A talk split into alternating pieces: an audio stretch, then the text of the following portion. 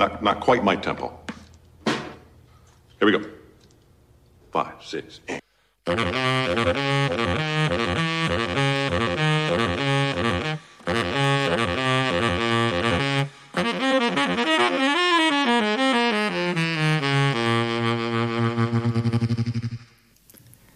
Na audycję Kind of Jazz zapraszają Szymon, Szymon, wszystko super, ale to nie jest nasze tempo.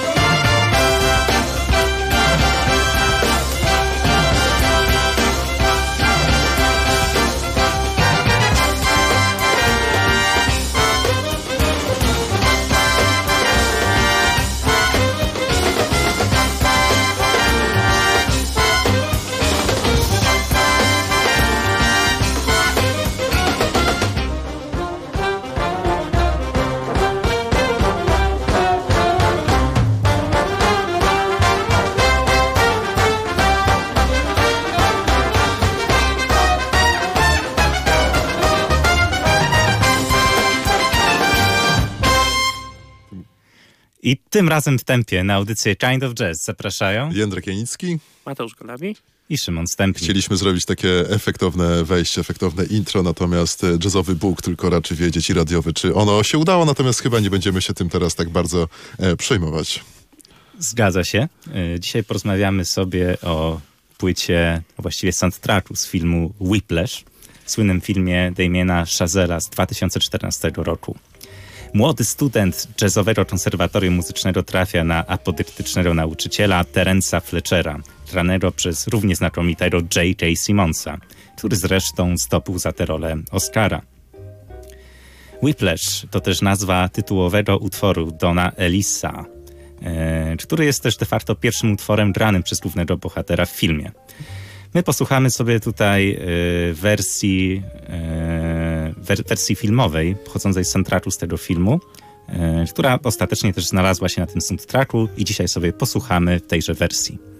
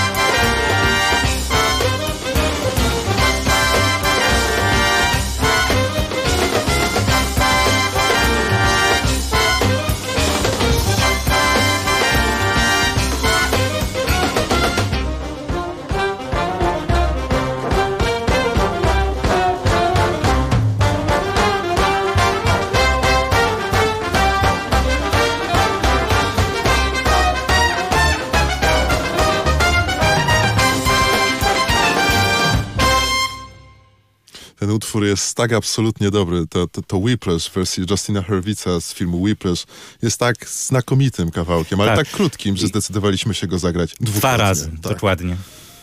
Mateusz, czy ciebie też tak bardzo jara ten utwór, tak jak mnie Jędrzeja? Że słuchasz go zawsze co najmniej dwukrotnie, a nasi drodzy słuchacze, niewykluczone, że zagramy go zaraz po raz trzeci. Tak jest, tym razem w, w oryginalnej wersji, ale najpierw chciałbym, abyśmy się tak. skupili na tej wersji Tak. Justina Hurwitza. Tak, tak, też, mi- też mi jak najbardziej jara. Bardzo w ogóle lubię, lubię to określenie i lubię ten utwór. I uważam, że, że jest rzeczywiście bardzo dynamiczny i bardzo pociągający w swojej dynamice właśnie. I tu wam powiem ciekawostkę, jeszcze zanim przejdziemy, że wolę tę wersję od wersji oryginalnej, napisanej pierwotnie przez Hanka Lewiego dla zespołu e, Dona Elisa. Jakaś taka jest żywsza, jakaś taka jest dźwięczniejsza i jakoś tak po prostu lepiej w jej vibe można wejść. Yy, Ale to też pytanie, czy może najpierw nie słuchałeś może tej wersji, tej filmowej? Yy, nie mogę sobie przypomnieć, prawdę mówiąc. No ja akurat pierwotnie słuchałem tej wersji filmowej na samym Mhm. początku, więc dlatego ta oryginalna wersja Dona Elisa wydaje mi się trochę, mm, no trochę taka jak mówisz, nie? Nie do końca dźwięczna, nie do końca w Taka moim trochę vibe. płaska, nie? Mhm. To poza wszystkim, to prawda. No dobrze, panowie. Słynne zdanie z tego filmu, tylko nieudacznicy grają rocka. Zgadzacie się z tym, czy nie? Tak mówił, zakładam, Terence Fletcher. Eee, to bardzo ryzykowna teza moim zdaniem. No ja się z tym zdaniem nie zgadzam. Ja się zresztą nie zgadzam z większością zdań, e, które padają w tym filmie, tak prywatnie jakbyś mnie pytał. Mm, w ogóle nie zgadzam się z, ze sposobem e, nauczania, z metodami głównego bohatera, bo wydaje mi się, że właśnie Terence Fletcher jest głównym bohaterem. E, natomiast e, ten film po prostu uwielbiam miłością szczerą, braterską i platoniczną. Może nawet nie tak tylko platoniczną. Mateusz? No właśnie, ja się zgadzam z Jędrzejem, że, że ta postać jest bardzo odpychająca i pomimo tego, że to jest chyba świetny nauczyciel, ale stosuje tak przemocowe metody nauczania, że y, powiem wam, że, że z przerażeniem oglądałem sceny z jego udziałem, więc raczej, raczej nie wydaje mi się pozytywną postacią w żadnym stopniu i w związku z tym trochę dla mnie film przez, przez to kuleje, bo jakby wzmacnia jakąś taką, chociaż może nie wzmacnia, bo on jednak y, jakoś tam chyba rewyser widzi tą, tą psychopatyczność tego, No właśnie, tego właśnie. On, jest, on prawda? tutaj właśnie mi się podoba, że Chazelle, jak już chwilę o filmie mówimy, no nie stara się na siłę pokazywać jakichś dobrych y, cech tego głównego bohatera, tylko robi z niego takiego trochę e, potwora, Trochę który potwora, w tak. imię sztuki, co by nie mówić, takiej m, muzycznej tym razem, no jest w stanie poświęcić naprawdę wiele, można powiedzieć wszystko, bo chyba nawet też swoje życie prywatne, to jest tam zasugerowane w filmie, a na pewno e, dobrostan psychiczny tego swojego by, muzycznego wychowanka. Tak, ale właśnie myślę, że ten wychowanek, on mocno też jakby internalizuje taki styl y, pracy i po prostu też y, strasznie dużo ćwiczy, strasznie się stara, no bo właściwie innej, innej drogi trochę nie ma przed Tak, nim, tak, prawda? to prawda. Y, Ale, ale bardzo też jakby, y, wydaje mi się, że gdyby on w przyszłości został nauczycielem jazzu, to by- to są trochę podobne metody, mam wrażenie. Myślisz, że aż tak, że to tak jakby przechodzi z pokolenia na pokolenie? Chyba niekoniecznie, ale myślę, że, że on mocno coś takiego internalizuje, tak mi się wydaje. Na pewno zgadzam się trochę z tym, co powiedział Jędrzej, że mm, tutaj sztuka jest na pewno ważniejsza, przynajmniej w tym filmie, niż zdrowie psychiczne poszczególnych uczniów. E, No tutaj jest ta, ta słynna opowieść o Charlie Parkerze, który według Fletchera stał się Charlie Parkerem tylko dlatego, że kolega z zespołu rzucił w niego trąbką i powiedział, żeby, żeby więcej ćwiczył. A to w ogóle y, Joe Jones, tak? Że jak Mhm. y, Parker grał y, by solówkę podczas ich wspólnego koncertu, to chyba fragmentem perkusji, tak mi się wydaje. Albo rzucił- fragmentem perkusji. Rzucił Tak. w Parkera. W ogóle ta anegdota jest zmyślona. Takie zdarzenie miało miejsce, natomiast Parker nie został w taki sposób pokorzony, tylko po prostu Joe Jones powiedział, że mu się to solo nie podoba i że przestał już je grać. Także no, no, normalna historia, jak się wydaje, która tutaj urosła do rangi jakiegoś, jakiegoś mitu. Być może była takim prowodyrem dla Fletchera, żeby stosować takie y, apodyktyczne wręcz metody nauczania. No, zdecydowanie, zdecydowanie. Y, I, i, i, i, i, I wiecie co? E, Ta demoniczność e, J.K. Simonsa w tym filmie wydaje mi się, że jest jego taką najmocniejszą stroną tego filmu. To ja nie chcę, żebyście mnie źle zrozumieli, ale to na pewnym etapie, w pewnym sensie staje się też w jakiś sposób estetycznie e, fascynujące po prostu. To jest trochę taka historia, jak była taka książka e, Kraksa, gdzie główny bohater był, em, czerpał zadowolenie estetyczne z e, widoku rozbitych samochodów, nawet z ofiarami śmiertelnymi. Tak, był, był film na, na poprzedniej Był, książki. był, był, na Jamesa- tak. A książka Crash. Ballarda, chyba Jamesa Grahama. E, także tu jest tak trochę, że po prostu jakiś rodzaj satysfakcji nam przynosi to obcowanie z tym potworem, co by nie mówić. Wiesz co, mi się nawet wydaje, że to jest taka ogólna wrażliwość wręcz hollywoodzkiego widza, jeżeli można tak powiedzieć, że czerpiemy satysfakcję z oglądania czarnych charakterów. Zresztą też to nie jest do końca takie nieprawdziwe stwierdzenie, że dobry film hollywoodzki jest tak dobry jak czarny charakter w nim grający. No to ciekawe, co mówisz, ciekawe. No i Terence Fletcher, no bez wątpienia jest takim antagonistą przez, przez duże A. Tak. No właśnie, ale y, myślę, że y, warto sobie zadać pytanie, czy w ogóle y, film, w którym mamy dobrego i czarnego bohatera, to nie jest trochę taki właśnie hollywoodzki anachronizm, bo w życiu mamy ludzi zazwyczaj, którzy są ani dobrzy, ani źli, tacy czarno-biali, prawda? A tutaj mamy wyraźnie dobrego i złego bohatera, jakby. prawda? Ja się nie do końca z tym zgadzam. Znaczy, po pierwsze się nie zgadzam, bo jestem y, ultrafanem westernów, a tam zawsze jest na biel i czerń.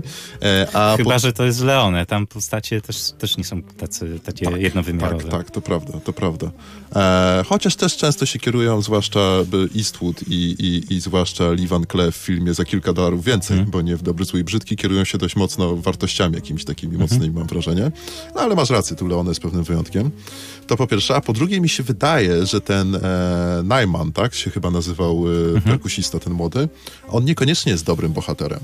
Ciężko powiedzieć, że on, jest, że on jest dobry. On jest taki nie wiadomo jaki. On jest y, nawet czasami taki szary. On jest właśnie dopiero kształtowany przez Fletchera.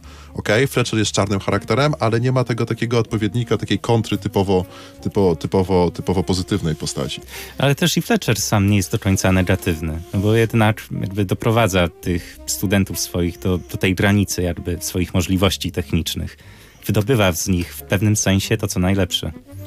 Tak, ale to już trochę wkraczamy na ryzykowny temat, bo już zaczynamy się zastanawiać tak naprawdę, czy w imię e, perfekcji technicznej, nie? bo tutaj chodzi o perfekcję techniczną tak naprawdę, e, można poświęcić czyjekolwiek e, no, zdrowie, mówiąc wprost, psychiczne, ale jednak zdrowie.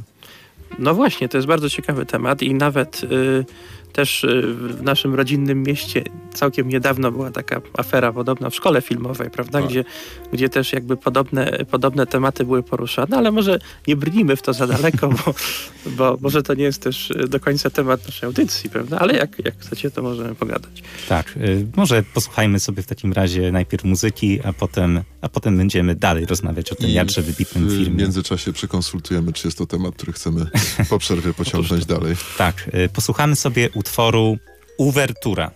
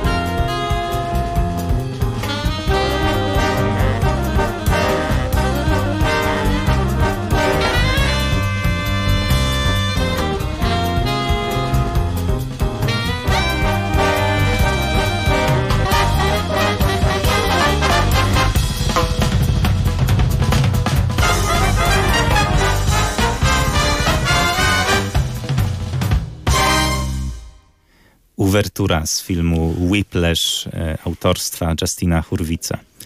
Właśnie, panowie. Ta uwertura, jeszcze wejdę ci w słowo, w ogóle taka w stylu Buddy'ego Richa, nie? To był chyba też idol e, tego, tego, tego ucznia, takie Tak, mam wrażenie. e- I ta uwertura w ogóle ciekawą rolę w filmie odgrywa, bo ona się pojawia co najmniej kilkukrotnie. Za każdym razem grana trochę inaczej. Trochę innym tempem, trochę inną atmosferą, trochę innymi akordami nawet mam wrażenie. Co innego chce zasygnalizować. Czyli tak jak każdy prawdziwy, dobry soundtrack do muzyki filmowej powinien wyglądać. O Badim Richu jeszcze wspomnimy, no ale właśnie tutaj bardziej może do Mateusza. Ty, jak rozumiem, jesteś fanem muzyki filmowej, też nie tylko filmowej, ale i czorowej, jakiejkolwiek innej muzyki, która obrazuje tutaj różne dzieła sztuki. Jak ocenisz ścieżkę dźwiękową do Whiplasha? Y, Wiesz, wiesz, Szymon, powiem ci, że, że ona jest trochę dziwna, bo ona jest właściwie trzyczęściowa. Więc to jest jakby, jakby trzy soundtracki w jednym, bo pierwsza część to jest taka powiedzmy dosyć typowo y, nowoczesno-jazzowa, właśnie to jest to, ta, ta, którą na razie głównie gramy. Druga jest y, taka, to jest typowa muzyka filmowa, taki trochę ambient, trochę taka przestrzenna muzyka, I to są autorskie kompozycje Herwica. Herwica, tak.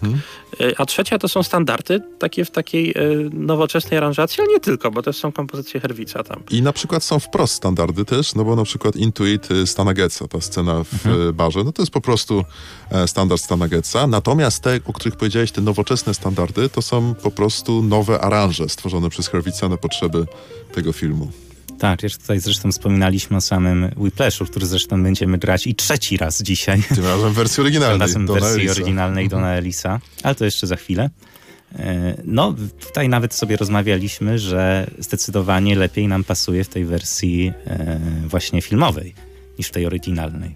Tak, wiesz co, bo ta wersja filmowa, ona uchwytuje jakieś takie dwie e, tradycje jazzowe, bym powiedział, bo z jednej strony uchwytuje, no może to nie jest big band, ale wspólne granie większego zespołu, może jeszcze nie orkiestra, ale jakiegoś takiego co najmniej rozbudowanego komba, a, a z drugiej strony ona brzmi bardzo nowocześnie. Ona ma bardzo dobre brzmienie, naprawdę. To słychać jakby, że ta ingerencja elektroniczna, która Hurwitz dość gęsto stosował w tych aranżach, jest tutaj obecna. To jest taka muzyka jednak brzmieniowo współczesna. Nie, nie wiem, czy zwróciliście uwagę, zaraz, za, zaraz ci, ci dam dokończyć, Mateuszu, Y, ale ten whiplash tytułowy, no to wręcz czasami wchodzą takie echa muzyki funkowej, szczególnie jeśli chodzi o gitarę.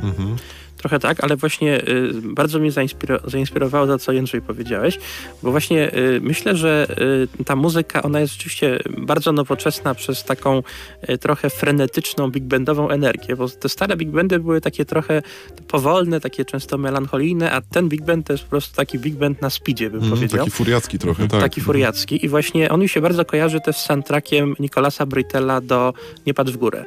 I tam też są taki, jest taka suita właśnie y, główna z tego filmu, która jest też dokładnie taka frenetyczna, szalona i grana przez taki bardzo nowoczesny big band i myślę, że Britell i, i właśnie y, Herwitz, oni mają trochę podobny styl komponowania. Zresztą w jednym utworze na tej płycie Britell z Herwitzem razem współkomponowali. Tak, tak. tak.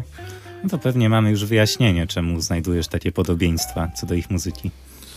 To jest w ogóle Hurwitz jest ciekawą postacią. Nie wiem, czy wiecie, on jest nie tylko by, by kompozytorem muzyki filmowej, ale też jest scenarzystą i to takim całkiem, całkiem wzię wziętym. Kilka odcinków e, Tak, Simpsonów. ale głównie serialowym. Prawda? Tak, Simpsonów i taki był sitcom, e, w dużej mierze improwizowany, ale nie tylko Curb Your Enthusiasm, e, dość popularny. E, I to też właśnie był pomysł Hurwitza. No, niestety nie w Polsce, tylko za granicą. W Polsce nie był popularny, to prawda. Co mnie jeszcze fascynowało w tym filmie, to gra aktorska. Y, Pewnie tutaj nie jest y, zdziwieniem, że J.K. Simmons dostał Oscara za tę rolę, ale czy wiedzieliście, że niemal każdy z bohaterów tutaj rzeczywiście grał na instrumentach? Nie wiedziałem o tym. Też nie wiedziałem. No, na przykład. Szymon tutaj, uczy, Szymon bawi. Znaczy, to, to do końca niestety też, też, też nie jest prawda to, co powiedziałem, ponieważ no tak, oczywiście wszystko musiało być dogrywane też potem w studiu, też profesjonalni muzycy musieli brać udział, zgodnie z tym, co wyczytałem, przynajmniej w 50% wszystkich utworach i motywach, gdzie główny bohater grał na perkusji, to właśnie był, był, był tutaj ten aktor.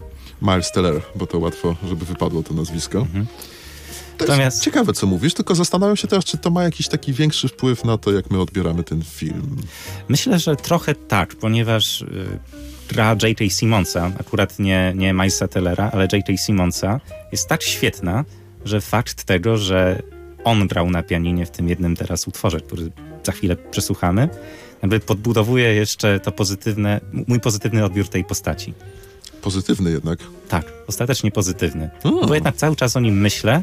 To jest jednak taka postać, oczywiście nie chciałbym mieć takiego nauczyciela No obok siebie, Mhm. ale bardzo miło mi go oglądać na ekranie. Okej, czyli poczekaj jeszcze, pozwolić, że chwilę pociągnę ten e, Mhm. motyw przed, przed tym utworem, czyli jakby nie chciałbyś go poznać osobiście, żeby cię uczył, ale doceniać w jaki sposób jest wykreowana ta postać. No tak, no tak, tak, tak jak to jest fikcja. Nie, zresztą, jasne. Mhm. zresztą wiesz co, przypomniał mi się jeden odcinek Świata według kiepskich, kiedy Poczek przychodził do Fertka na telewizor, bo mu się zepsuł. No i Poczek oglądał falę zbrodni i śmiał się jak taki głupi cały czas.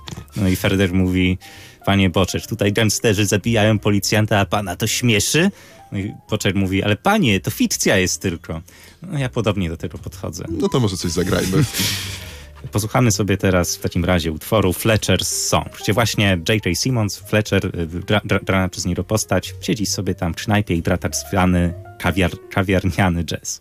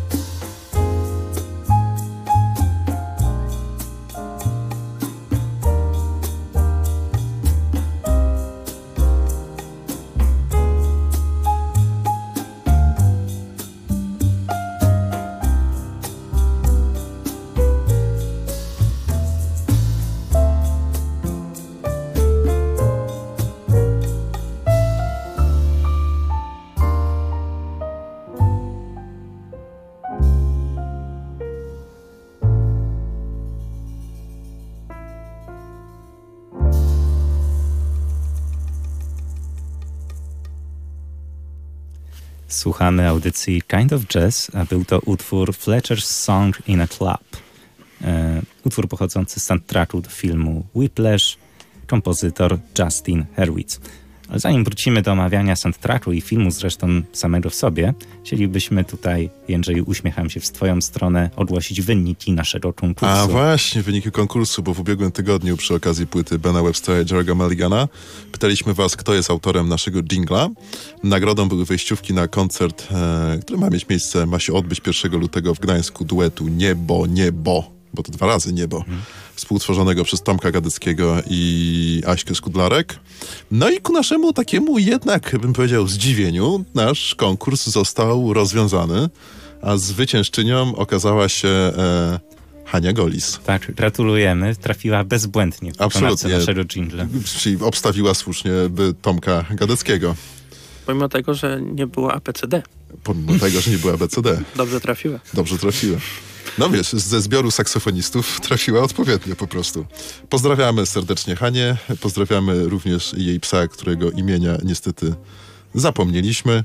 E, jeszcze taka odpowiedź do nas została opatrzona takim zgrabnym e, komentarzem twist and shout. Oj tak. Nie wiadomo, co to ma oznaczać, ale przyjmijmy, że pozytywnie. No dobrze, wróćmy do tego Whiplasha. E, No dobrze, Whiplash. E, Zastanawiałem się, o czym w sumie jest Whiplash w pewnym momencie. Czy to jest film o muzyce jazzowej, czy może raczej o jakimś dążeniu, mm, dąże, dążeniu do jakiejś takiej nieosiągniętej... Yy, właści- właściwie czym, no? Dążenia do osiągnięcia nieosiągalnego. Szymon przypomniał sobie e, psa Hani i aż e, tak trochę z wrażenia nie tak, mógł właśnie, słowa. właśnie Szymon wcześniej mówił, że będziemy rozmawiać o filmie samym w sobie i mi się przypomniał, przypomniały rzeczy same w sobie Kanta. Kantowskie, tak. Więc, więc to poważny, poważny temat, bardzo Nie, nie, nie poruszyliśmy. wiadomo, że, że Kind of Jazz trochę filozofuje. To prawda. Tak, tak, ale myślę, że nie, nie, nie pokusiłbym się o powiedzenie, czym jest Whiplash sam w sobie. Czym jest w ogóle rzecz sama w sobie? Tym bardziej. Czym, je, czym jest coś samo w sobie. Ale, ale właśnie odnosząc się do, do tego twojego pytania, Szymon, to myślę, że trochę jest tak pół na pół, że, że pewnie jest trochę tak, jak mówiłeś w pierwszej części wypowiedzi i trochę tak jak w drugiej, że ten film jest trochę niejednoznaczny, jeżeli chodzi o treści. No, a wiecie co, ja bym powiedział, że ten film nie jest o jazzie i nie jest w ogóle o muzyce. Ostatnio, nie wiem czy widzieliście, oglądałem taki film e, Ferrari Michaela Mana z Adamem Driverem w roli głównej. E, I to jest taki film biograficzny, można powiedzieć, opowiadający historię, niespodzianka Enzo Ferrariego. No i tam w jednej scenie, jak oni się przygotowują do takiego najważniejszego wyścigu Mille Miglia w 57 roku, Ferrari tłumaczy e, swoim kierowcom, że oni muszą być skrajni, że oni muszą ryzykować absolutnie wszystko, że w momencie, kiedy jeżdżą, ścigają się z tymi kierowcami Maserati, bo to był główny oponent Ferrari wówczas, oni muszą ryzykować życie. Nawet nie tyle ryzykować życie, co muszą po prostu na to nie zważać. Że to w tym momencie jest nieistotne. E, I słuchając Ferrariego wówczas, Adama Drivera w zasadzie, e, przypomniał mi się właśnie Simons, że to nie jest film e, o muzyce, bo ta muzyka jest nieistotna, tylko jest o próbie e, sięgnięcia jakiegoś absolutu, sięgnięcia jakiegoś szczytu. I niezależnie od tego, czy to jest szczyt ścigania się autem, czy grania na perkusji, to trochę chodzi o to samo w tych filmach. Mateusz? No tak, na pewno, na pewno tak jest, że to jest film o takim ściganiu się, ale takim ściganiu się, gdzie rzeczywiście y, trochę już taki instynkt samozachowawczy nawet zamiera, prawda? I człowiek jakby chce coś osiągnąć w taki sposób trochę gorączkowy i ten bohater rzeczywiście coś takiego próbuje, tylko że ja też nie do końca rozumiem, dlaczego on aż tak bardzo chce. Znaczy nie mogę zrozumieć, dlaczego ma taką motywację wspięcia się na sam szczyt, powiedzmy, tej perkusji jazzowej, i, i, i tak, tak go coś, coś jakby gna, prawda, do tego, bo, bo czasami no, można się zadowolić, nie wiem, dłuższym rozwojem albo rozwojem nie takim liniowym, prawda, gdzieś tam grać po, y, może w mniej prestiżowych zespołach, powoli się rozwijać. On chce jakby, y, że tak powiem, złapać y, w, wszystko za nogi, jeżeli można tak powiedzieć, i trochę, i trochę przez to jakby traci ten instynkt samozachowawczy, więc też jest takim bohaterem trochę, trochę dwoistym dla mnie i rzeczywiście, tak jak Szymon wcześniej mówił, nie można go traktować chyba jako bohatera jednoznacznie pozytywnego. Dla, dlatego tak, tak, nie wiem, czy to, kto to mówił, ale rzeczywiście, dlatego wydaje mi się, że ten film nie jest o muzyce, jeszcze raz to powiem, on jest jakimś takim sportowym dążeniu. E, w, tym, w, tym, sensie jest sensie. trochę filmem sportowym. Tak, prawda? jest trochę filmem sportowym, zdecydowanie. No bo zwróćcie uwa uwagę, nawet jest ciężko powiedzieć, że ten główny bohater, e, Najman, e, gra, dobre nazwisko swoją drogą, hmm. jest w jakikolwiek sposób e, rozkochany w muzyce. Ja bym tego nie powiedział. On, on nie ma takich zajawek, że idzie na, kon na koncert i jest podekscytowany, że na słuchawkach cały czas swoich ukochanych perkusistów słucha, czy w ogóle jazzu. Dla niego ta muzyka jest jakby nieistotna, on tylko chce osiągnąć perfekcję techniczną. Czyli tak trochę jak kierowcy rajdowi, trochę jak piłkarze, sportowcy, czy cała grupa ludzi, takich bardziej rzemieślników, chcących być perfekcyjni w swoim fachu. Ja nie wiem, czy my trochę tutaj nie robimy diving too much into it, ponieważ, panowie, to mimo wszystko tym sportem, który tutaj jest uprawiany w tym filmie, jest jazz. Ja znam wielu ludzi, którzy w ogóle zainteresowali się muzyką jazzową właśnie dzięki filmowi Whiplash. Na przykład mój brat, z którym kiedyś niedawno oglądałem ten film, no, on w ogóle nie lubił muzyki jazzowej. Tak szczerze, to on lubił tylko disco polo do czasu Whiplasha. No i dobrze. Ale... Skrzywdziłeś go tym Whiplashem. Ale po Whiplashu no, zobaczyłem, że na jego playliście na, na, na jednym z serwisów streamingowych no, pojawiło się więcej takiej, takiej muzyki klasyczno-jazzowej. Więc wydaje mi się, że Whiplash mimo wszystko jest filmem o miłości do jazzu. Tak pokrętnie rozumianej, ale jednak miłości. Ja, by, ja bym był jednak bliższy zdaniu Jędrzeja. Rzeczywiście to jest taki film trochę sportowy, sportowo-jazzowy właściwie, mhm. więc, więc rzeczywiście ten, ten bohater y, tak, ja myślę, że on po prostu za, za mało y, jakby y, czerpie przyjemności właśnie, bo myślę, że po prostu i granie, i słuchanie muzyki to jest wielka przyjemność. Też, ćwiczenie, ćwiczenie dla wielu muzyków. Też, mhm. też myślę jest wielką przyjemnością i powinno być wielką przyjemnością, a tutaj y, jest to właściwie taka męka, prawda, mhm. dla niego. On się, on się próbuje wzbić na sam szczyt i, i strasznie się męczy, nawet w sensie fizycznym. Tam jest mhm. taka scena, prawda, jak on sobie kaleczy dłonie przez, przez bardzo intensywne ćwiczenie czy uderzanie w perkusję, więc myślę, że traci bardzo istotne istotny aspekt w ogóle tego, co jest związane z twórczością artystyczną, czy, czy y, właśnie tutaj chodzi o wykonawstwo, prawda? Że, że to jest też, a przede wszystkim powinna być frajda czy przyjemność i, i właśnie y, ten bohater chyba tego nie potrafi przeżywać, więc w tym sensie ma jakiś defekt. Ale teraz polemizując z tobą, czy granie muzyki musi dawać przyjemność samo w sobie. No myślę, że tak, że o to w tym chodzi. A ja myślę, że nie, że, że mimo wszystko według tego filmu i też trochę według mnie może ci nie dawać przyjemności, mi czasem też nie daje przyjemności, ale ważny jest ten efekt końcowy. No, efekt, Ten, okej. ten, ten twór, który powstaje. Ale ten twór, który końcowo powstaje, jesteś z niego na przykład szczęśliwy, nie? Tak. Jest, albo jesteś nawet okej, może nawet dumny z siebie, że coś takiego udało ci się Mhm. stworzyć, albo masz świadomość, że te dźwięki, które stworzyłeś są wartościowe. Zgadza się, natomiast sam proces jego powstawania wcale nie musi być przyjemny. Ja nawet rozumiem, gdyby y, by, by, ćwiczenia nie, były pokazane w taki skrajny sposób, jak mówisz Mateusz, że po prostu krwawią mu ręce, ale chce zagrać to, co słyszy w głowie na przykład, nie? to bym rozumiał. Ale wydaje mi się, że gdy nie czerpiesz absolutnie żadnej przyjemności, również ze słuchania muzyki. Zwróćcie uwagę, on słucha muzyki tylko po to, żeby się nauczyć jakiejś partii.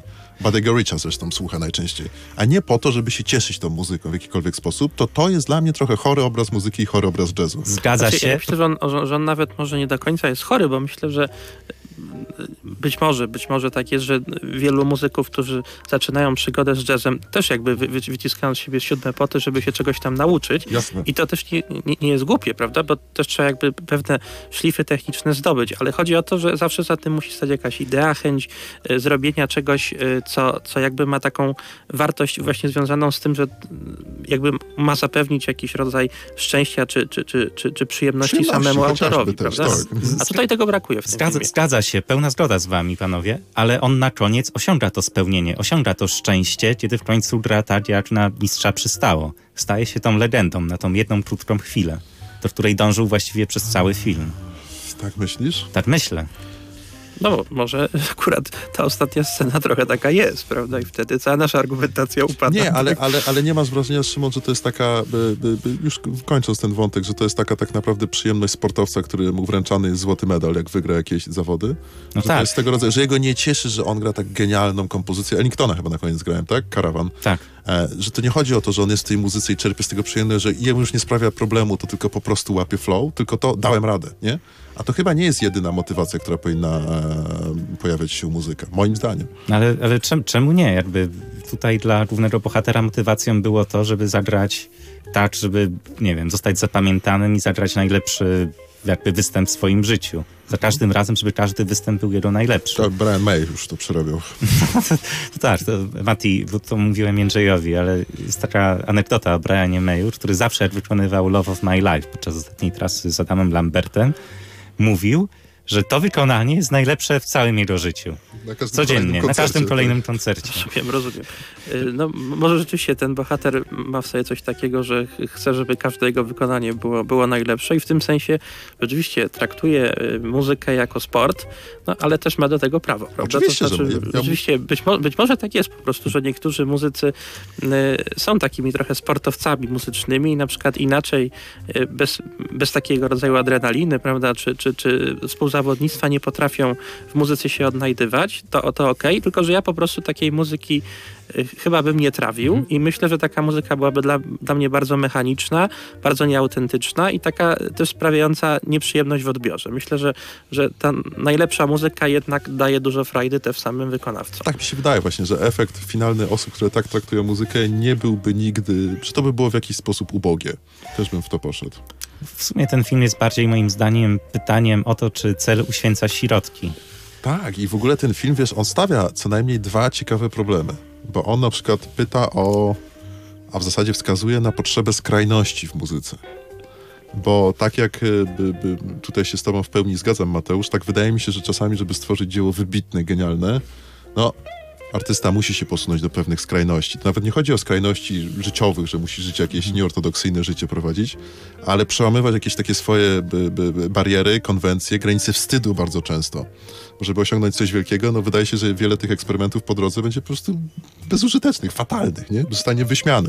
I Znaczy, dlatego jak- jest taka potrzeba takiej skrajności w muzyce, żeby to było wielkie dzieło finalnie. Znaczy, ja myślę, że, że ten film się opiera na takiej koncepcji, która y, też myślę, że w sztuce jest silnie obecna, ale w ogóle też y, w pewnym takim, w takiej filozofii samorozwoju y, chodzi po prostu o takie przekraczanie siebie, prawda? Że, że ten bohater, on ciągle y, chce siebie przekraczać, y, ciągle staje jakby na paluszkach swoich możliwości, żeby osiągnąć jeszcze więcej niż wyobrażał sobie, że może osiągnąć i w rezultacie to pro, prowadzi go trochę do takiej paranoi samorozwoju, prawda? Tak jakby w tym samorozwoju się, się zapętla do tego stopnia, że zaczyna po prostu odczuwać cierpienie z tego, co robi. Myślę. No i to jest samorozwój tylko na poziomie technicznym, bo on nie wychodzi poza standard jazzowy tak naprawdę w tej grze. Tak, i w pewnym sensie te, też jakby ten samorozwój jest trochę pod znakiem zapytania w tak, związku z tym. tak. Mówiąc co nieco o standardzie, proponuję, byśmy sobie posłuchali standardu i po raz trzeci, po raz trzeci dziś utworu Whiplash, tym razem w wykonaniu oryginalnym, czyli Dona Elisa z 1970 bodajże pierwszego roku. Mi się wydaje, że czwartego, ale to nie ma takiego Lata znaczenia. 70. Tak.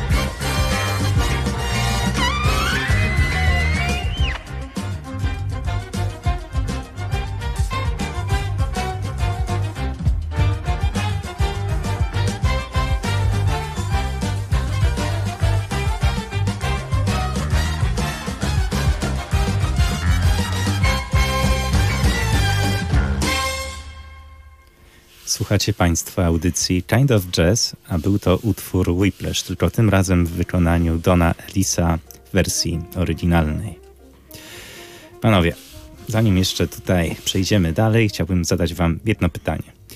Ponieważ wydaje mi się, że Whiplash film akurat świetnie pokazuje różnicę pomiędzy tym jazzem technicznym, ponieważ tutaj ten jazz skupia się raczej na tej warstwie technicznej, a tym jazzem emocjonalnym. No i takie zagadnienie, pytanie, co bardziej cenicie w jazzie? Czy raczej taką umiejętność grania, przełamywania barier, tą niesamowitą zdolność techniczną poszczególnych muzyków, czy szukacie może jednak takich pewnych wrażeń emocjonalnych? Myślę, że nikt nie, nie odpowie na to pytanie lepiej niż y, naczelny psycholog jazzu Mateusz Golami.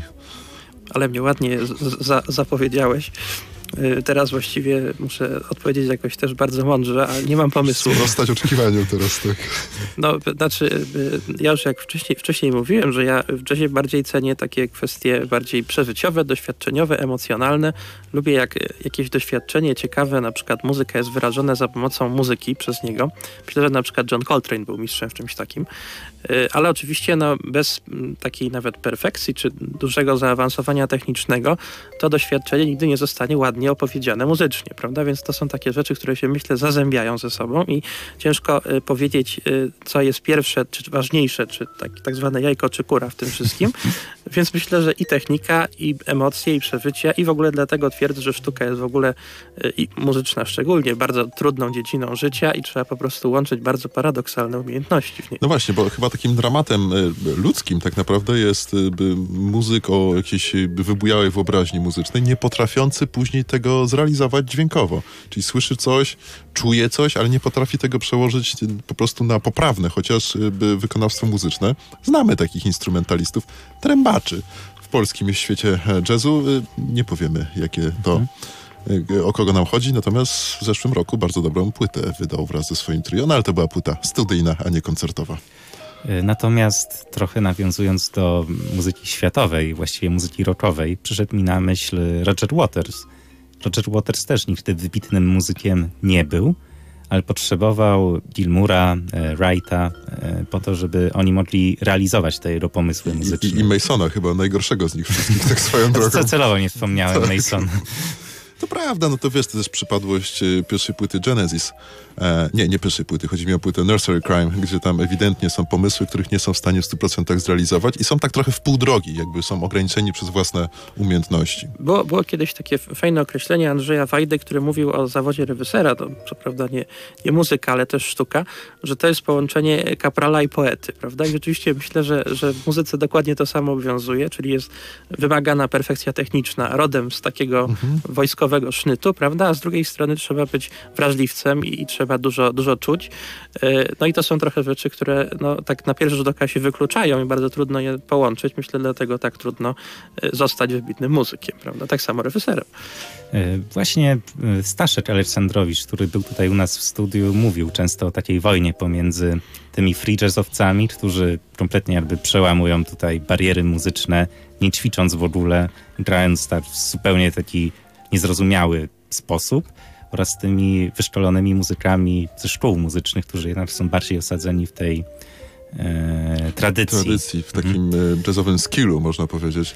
Ale wiesz, to nie znaczy, że osoba bardzo dobrze wyszkolona technicznie, perfekcyjna, perfekcyjnie techniczna, technicznie, no nie może pójść w jakąś improwizację, eksperyment. To jest jak najbardziej na miejscu. Ależ oczywiście i dlatego, przynajmniej dla mnie, jakby prawdziwie dobry jazz to jest wyważenie tych dwóch tak, koncepcji. Ja się zgadzam z tobą. Tych emocji, tego przełamywania barier, ale też tej tradycji i techniki, którą się szkoli. I tej może nie perfekcji, bo perfekcja w wykonaniu nie jest istotna, ale przynajmniej bardzo wysokiego poziomu wykonawstwa tych, tych, tych pomysłów.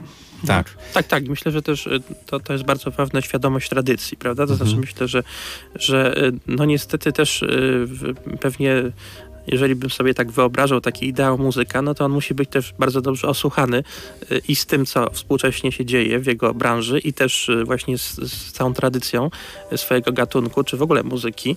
I w pewnym sensie no to też wymaga no, żmudnych tam przygotowań, ale też po prostu śledzenia tego, co się dzieje na bieżąco. Oczywiście to jest taki postulat bardzo idealistyczny, ale myślę, że, że tak bym sobie wyobrażał mhm. takiego wybitnego też artystę.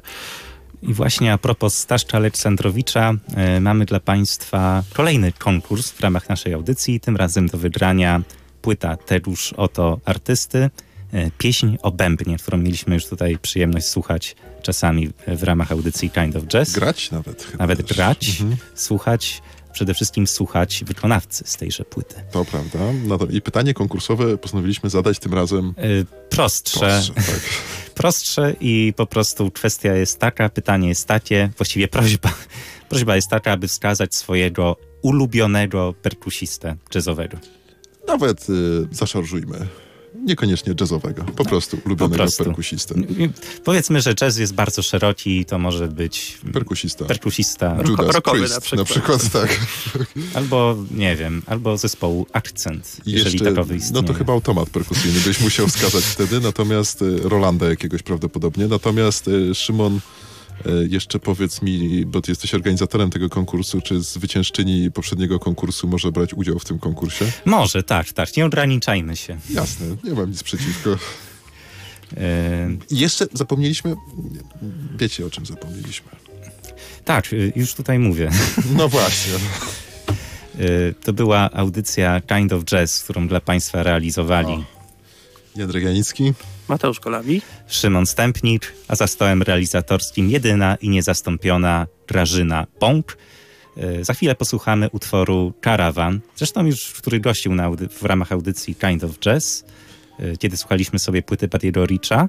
Ale jeszcze zanim poleci tenże karawan tej wersji Whiplashowej z tego filmu Whiplash, to pewien cytat, który jest bardzo ważny dla rozwoju tego filmu, w którym Fletcher mówi, że dla prawdziwego jazzmana nie ma gorszej obelgi niż powiedzieć mu good, good job, dobra robota. To jest bardzo ciekawy cytat podsumowujący zresztą całe myślenie Fletchera, a po wszystkim przed Państwem y, słynny Rembi i złote lata muzyki rozrywkowej. Wraz z Judytą, równie słynną jak Rembi, jak słynne złote lata muzyki rozrywkowej. I tym optymistycznym akcentem dziękujemy bardzo. Do usłyszenia. Right?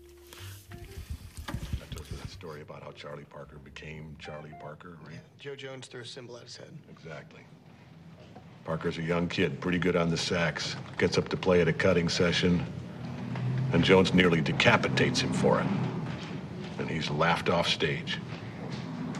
Cries himself to sleep that night, but the next morning, what does he do?